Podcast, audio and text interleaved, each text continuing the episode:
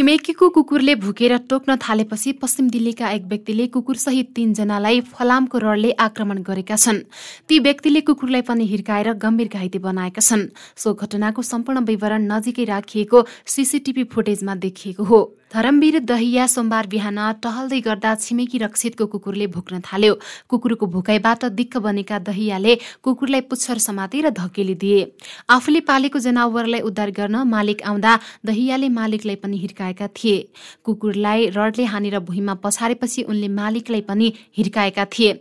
एकपछि अर्कोलाई हिर्काएपछि अर्का पुरुषले हस्तक्षेप गरेका थिए। कुकुरको विषयलाई लिएर दहियाल र अर्को तेस्रो व्यक्तिबीच झगडा भएको थियो। दहियाले परिवारकी एक महिलालाई पनि रडले हानेका थिए। घटनाको भिडियोमा क्रुद ती व्यक्तिले महिलालाई आफ्नो घरमा प्रवेश गर्नबाट रोक्न खोज्दा रडले हिर्काएको देखाइएको छ। यसैबीच कुकुरले टोकेको दहियाको अस्पतालमा उपचार भइरहेको छ। घटनाबारे प्रहरीले अनुसन्धान गरिरहेको छ। अस्ट्रेलिया सरकारले अन्तर्राष्ट्रिय यात्रुहरूलाई कोभिड नाइन्टिन विरुद्धको खोप लगाएपछि पुष्टि गर्नुपर्ने प्रावधान अन्त्य गरिएको घोषणा गरेको छ। त्यहाँको गृह मामिला मन्त्री क्लार ओनेल र स्वास्थ्य मन्त्री मार्क बटलरले आइतबार उक्त जानकारी दिएका हुन्। बुधबारदेखि अस्ट्रेलिया आइपुगेका यात्रु खोप लगाएको पुष्टि गर्न अब डिजिटल प्यासेन्जर डिक्लेरेसन डिपिडी पूरा गर्नु नपर्ने भएको छ। यो निर्णयले कोभिड नाइन्टिनको प्रसार रोक्न मार्च दुई हजार बिसमा पहिलो पटक पेश गरिएको सबै अन्तर्राष्ट्रिय यात्रु प्रतिबन्धको अन्त्यलाई सङ्केत गरेको छ। ओनिलद्वारा जारी एक विज्ञप्तिमा भनिएको छ हामी मध्ये धेरै अन्तर्राष्ट्रिय तवरमा यात्रा गर्दैछौँ र हामी कोभिडबाट हुने जोखिमको प्रबन्धमा अझ विश्वस्त हुँदैछौँ। हाम्रा विमानस्थलहरू व्यस्त हुँदैछन्। यी आवश्यकताहरू हटाउँदा हाम्रो विमानस्थलको काम कारवाही छरितो हुनका साथै अझ धेरै आगन्तुक तथा दक्ष कामदारहरूलाई गन्तव्यको रूपमा अस्ट्रेलिया छान्न प्रोत्साहन मिल्नेछ। यद्यपि अस्ट्रेलिया आउने सबै व्यक्तिले उडानको अवधिमा मास्क लगाउने नियम भने जारी रहनेछ। अस्ट्रेलियामा कोभिड नाइन्टिन संक्रमणको संख्या बढ्दै जाँदा सो घोषणा भएको हो। सोमबार बिहान अस्ट्रेलियाले पच्चिस भन्दा बढी व्यक्तिमा कोभिड नाइन्टिनको थप संक्रमण भएको जनाएको थियो। विगत चौबिस घण्टामा अस्ट्रेलियाको बढी प्रभावित राज्य भिक्टोरियामा चौबिसजना र न्यू साउथ वेल्समा पच्चिसजनाको मृत्यु भएको थियो। आगामी दुई महिनासम्ममा कोभिड संक्रमितको संख्या बढ्ने कुरा स्पष्ट छ बटलरले भने यसले कोभिड संक्रमित सहित तीन भन्दा बढी बिरामी रहेका अस्पतालहरूमा दबाव दिइरहेको उनले पत्रकारलाई बताएका छन्। म मानिसहरूलाई खोपको तेस्रो मात्रा लिन अझै पनि सुझाव दिन्छु किनकि हामी अहिलेको यो भाइरसको संक्रमणसँग जुधिरहेका छौँ। गत चौबिस घण्टाको समयावधिमा भारतमा कोरोना भाइरसबाट थप सोह्र हजार एक सय पैंतिस संक्रमित भएका छन्। हाल भारतमा कोरोनाका कुल संक्रमितको संख्या चार करोड पैंतिस लाख अठार हजार पाँच सय चौसठी पुगेको केन्द्रीय स्वास्थ्य तथा परिवार कल्याण मन्त्रालयले जनाएको छ। गत चौबिस घण्टाको समयावधिमा कोरोना संक्रमणमा चौबिस जनाको मृत्यु भएको थियो। कोरोना शुरू भएबाट हालसम्म यस महामारीका कारण पाँच लाख पच्चिस हजार दुई सय तेइस जनाको मृत्यु भएको छ। हाल भारतमा एक लाख तेह्र हजार आठ सय चौसठी सक्रिय संक्रमित रहेका छन्। गत केही दिनयता सक्रिय संक्रमितको संख्या एक लाखभन्दा बढी रहेको छ।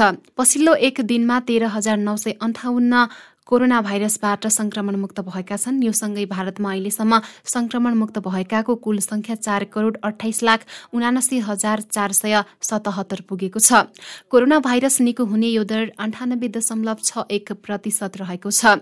भारतमा सन् दुई हजार एक्काइसको जनवरी सोह्रबाट कोरोना भाइरस विरुद्ध खोप अभियान शुरू भएको थियो। सो समयदेखि हालसम्म एक अर्ब छयानब्बे करोड छयासी लाख डोजभन्दा बढी खोप लगाइएको छ। यहाँ कोरोना संक्रमण शुरू भएबाट हालसम्म छयासी करोड दस लाखभन्दा बढीको कोरोना भाइरस परीक्षण भएको बताइएको छ। बङ्गलादेशमा केही दिनदेखिको निरन्तर वर्षापछि आएको बाढीका कारण एक सय जनाभन्दा बढीको ज्यान गएको बताइएको छ। त्यहाँका अधिकारीहरूले दिएको जानकारी अनुसार त्यहाँका चौबिसवटा जिल्ला बाढीका कारण प्रभावित भएका छन्। ती जिल्लामा गरी एक सय दुई जनाको ज्यान गएको छ। अधिकारीहरूले दिएको समाचारमा गएको मे सत्रदेखि जुन अठाइससम्म बङ्गलादेशमा देशव्यापी रूपमा वर्षा भएको थियो त्यति बेला नै अधिकांश मानिसको ज्यान गएको बताइएको थियो। त्यहाँका कतिपय जिल्लाहरूमा पछिल्ला दिनहरूमा पनि बाढीको प्रकोप जारी रहेको छ। बाढीले ल्याएका सर्पले टोकेर चट्याङ परेर र बाढीले बगाएर धेरैको ज्यान गएको बताइएको छ। बङ्गलादेशका स्वास्थ्य अधिकारीहरूले अहिले पनि त्यहाँका कतिपय स्थानमा बाढीको प्रकोप जारी रहेको र ठूलो संख्याका मानिसहरू विस्थापित भएको बताइएको छ। बाढी प्रभावितहरूको उद्धार र सहयोगका लागि ठूलो संख्यामा सहायता कर्मी र प्रहरी परिचालन गरिएको बताइएको छ। अघिल्लो हप्ताको बाढीले दर्जनौ स्थानमा बाटो बगाइदिएको छ। जसका कारण मानिसहरूलाई कैयौं जिल्लामा आवत जावत गर्न पनि कठिनाई भएको बताइएको छ। त्यस्तै बिजुली र खानेपानीका संरचनाहरू पनि बाढीले भत्काइदिएको छ। ती संरचना निर्माणको काम भइरहेको अधिकारीहरूले जानकारी दिएका छन्। प्रकोप व्यवस्थापन सम्बन्धी मन्त्री इनामुर रहमानले सरकारले बाढी पीडितहरूको उद्धार गर्न र भत्किएका संरचनाहरू बनाउनका लागि ठूलो संख्यामा प्रहरी र उद्धारकर्मी परिचालन गरेको बताएका छन्। उनले त्यस्तो आपतका समयमा सहयोग गर्न सबै नागरिकलाई आग्रह पनि गरेका छन्। बङ्गलादेशका उत्तरी र उत्तर पूर्वी क्षेत्रमा कैयौं जिल्ला बाढीका कारण प्रभावित भएका छन्। इजिप्टको तटीय क्षेत्रमा यसै साता सार्कको आक्रमणमा एक अस्ट्रेलियाली र अर्की रोमानियाली महिलाको मृत्यु भएको इजिप्टको वातावरण मन्त्रालयले जनाएको छ। रेड सीमा दक्षिणी हुर्गाडाको सहल हसिस क्षेत्रमा पौडी खेल्ने क्रममा दुई महिलालाई सार्कले आक्रमण गरेको र दुवैजनाको मृत्यु भएको मन्त्रालयले जनाएको छ। अस्ट्रेलियाको समाचार एजेन्सी एपिएका अनुसार मृत्यु भएका मध्ये एक महिला देशको टायरोल क्षेत्रको भएको जनाइएको छ। अडसठी वर्षीय ती महिला इजिप्टमा छुट्टी मनाउन गएकी थिइन्। दिन अस्ट्रेलियाको विदेश मन्त्रालयले इजिप्टमा आफ्नो देशका नागरिकको मृत्यु भएको पुष्टि गरेको छ। त्यसै गरी रोमानियाको विदेश मन्त्रालयले पनि आफ्नो नागरिकको इजिप्टमा सार्का आक्रमणमा मृत्यु भएको पुष्टि गरेको छ। यसैबीच दुई महिलाको मृत्युपछि तीन दिनसम्म सम्पूर्ण तटीय क्षेत्र बन्द गर्न रेड सीका गभर्नरले निर्देशन दिएका छन्। इटलीको उत्तरमा तापक्रम वृद्धिसँगै आइतबार हिमनदी भत्किँदा छजनाको मृत्यु भएको छ भने अन्य एक दर्जनभन्दा बढी बेपत्ता भएका छन्।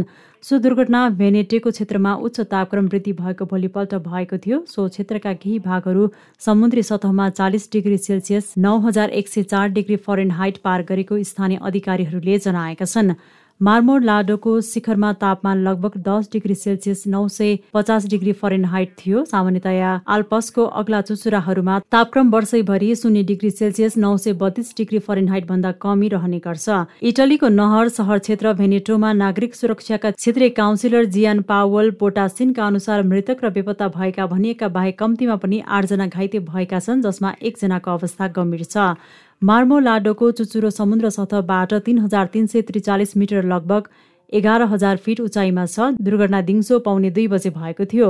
उक्त हिम नदीमा रहेको आइस सेल्फ फत्किँदा हिउँ बरफ र चट्टानको पहिरोले पर्वतारोही र पदयात्रीहरू थुप्रै समूहलाई घेरेको थियो। उक्त क्षेत्रमा थप पहिरोको जोखिम रहेको अधिकारीहरूले बताएका छन्। घाइतेहरूलाई बेलुनो ट्रेभिसो टेन्ट्रो र बोला जानो सहरका नजिकैका अस्पतालहरूमा लगिएको छ। उद्धारकर्ताहरूले हेलिकप्टर सिकारी कुकुरहरू र अत्याधुनिक ग्लोबल पोजिसनिक प्राविधिकहरू प्रयोग गरेका थिए।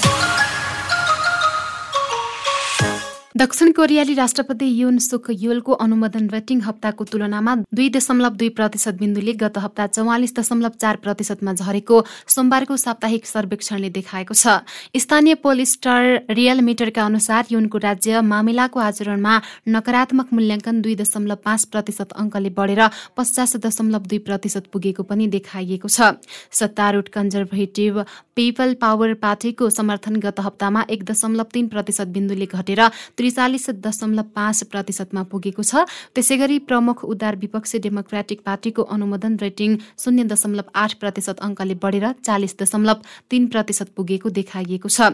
जस्टिस पार्टीले अघिल्लो हप्ताको तुलनामा शून्य दशमलव दुई प्रतिशत अङ्कले गत हप्ता समर्थन स्कोरको चार दशमलव चार प्रतिशत प्राप्त गरेको थियो। गत सोमबारदेखि शुक्रबारसम्म दुई हजार पाँच सय चौध मतदाताको सर्वेक्षणमा आधारित भएर सो नतिजा आएको हो। चरम इन्धन सङ्कटका बीच श्रीलङ्काको शिक्षा मन्त्रालयले सबै सरकारी र निजी विद्यालय सोमबारदेखि एक साताका लागि बन्द गरेको छ। श्रीलङ्काका शिक्षा मन्त्रीले आगामी विधाको अवधिमा विद्यालयले पाठ्यक्रम समेट्ने बताएका छन्। यसअघि अठार जुनमा सरकारले एक साताका लागि सबै विद्यालय बन्द गरेको थियो। लामो समयसम्म विद्युत कटौतीका कारण कोलम्बो सहरको सीमामा रहेको सबै सरकारी र निजी विद्यालयका साथै अन्य प्रान्तका मुख्य सहरका विद्यालयहरू एक सातासम्म बन्द रहने डेली मिररले जनाएको छ।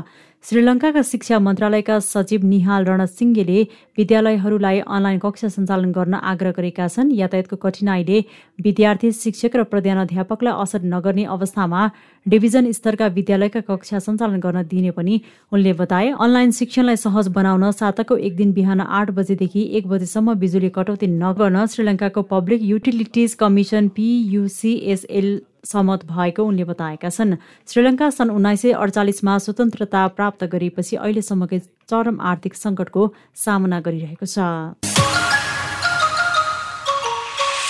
श्रीलङ्कामा एक दिनलाई पुग्ने इन्धन बाँकी रहेको बताइएको छ। देशमा आर्थिक संकट गहिरिएसँगै इन्धन अभावले सीमा नाघेको ऊर्जा मन्त्रीले उक्त जानकारी दिएका हुन्। तेल अभावले सार्वजनिक यातायात ठप्प छ। राजधानीमा पेट्रोल र डिजेल भर्ने सवारी साधनको लामो लाइन छ। यद्यपि अधिकांश पम्पिङ स्टेशन केही दिनदेखि इन्धनविहीन छन्। ऊर्जा मन्त्री कञ्चना विजय शेखेराले मुलुकमा करिब चार हजार टन पेट्रोलको भण्डार रहेको र त्यो एक दिनको खपतभन्दा केही कमी भएको बताए। अर्को पेट्रोल ढुवानी बाइस र तेइस जुलाई जुलाईको बीचमा हुने उनले अपेक्षा गरेका छन्। टाट पल्टिएको श्रीलङ्काले आपतकालीन अवस्थामा बाहेक सबै इन्धन बिक्रीमा दुई हप्ताको लागि रोक लगाएको थियो। डेनमार्कमा एक बन्दुकधारीले तीन मानिसको हत्या गर्दै बाँकीलाई गम्भीर घाइते बनाएको छ। डेनमार्कको दक्षिण कोपेनहेगन स्थित फिल्डल्स मलमा बाइस वर्षीय व्यक्तिले गरेको आक्रमणका कारण तनाव सृजना भएको कारण पक्राउ गरिसकेको पुलिसले जनाएको छ। सो कार्यको उद्देश्य थाहा नभइसकेको र आतंकवाद पनि नभएको पुलिस प्रमुख सोरेन थामसेनले जानकारी गराएका छन्। अभियुक्तलाई राइफल र हतियारसहित पक्राउ गरेको त्यहाँको पुलिसले जनाएको छ। डेनमार्कको दक्षिण कोपेन स्थित फिडल्स मलमा बाइस वर्षीय व्यक्तिले गरेको आक्रमणका कारण तनाव सृजना भएको कारण पक्राउ गरिसकेको त्यहाँको सुरक्षाकर्मीले जनाएको छ। सो कार्यको उद्देश्य थाहा नभइसकेको र आतंकवाद पनि नभएको सुरक्षाकर्मीका प्रमुख सोरेन थामसनले जानकारी गराएका छन्। अभियुक्तलाई राइफल र हतियार सहित पक्राउ गरेको पनि बताइएको छ। अभियुक्तलाई आगामी सोमबार न्यायाधीश पेश गरिनेछ। अचानक हामीले गोलीको आवाज सुन्यौं। सायद दस पटक प्रहारको आवाज थियो। त्यसपछि हामी मलबाट भागेर सानो शौचालयमा गयौं।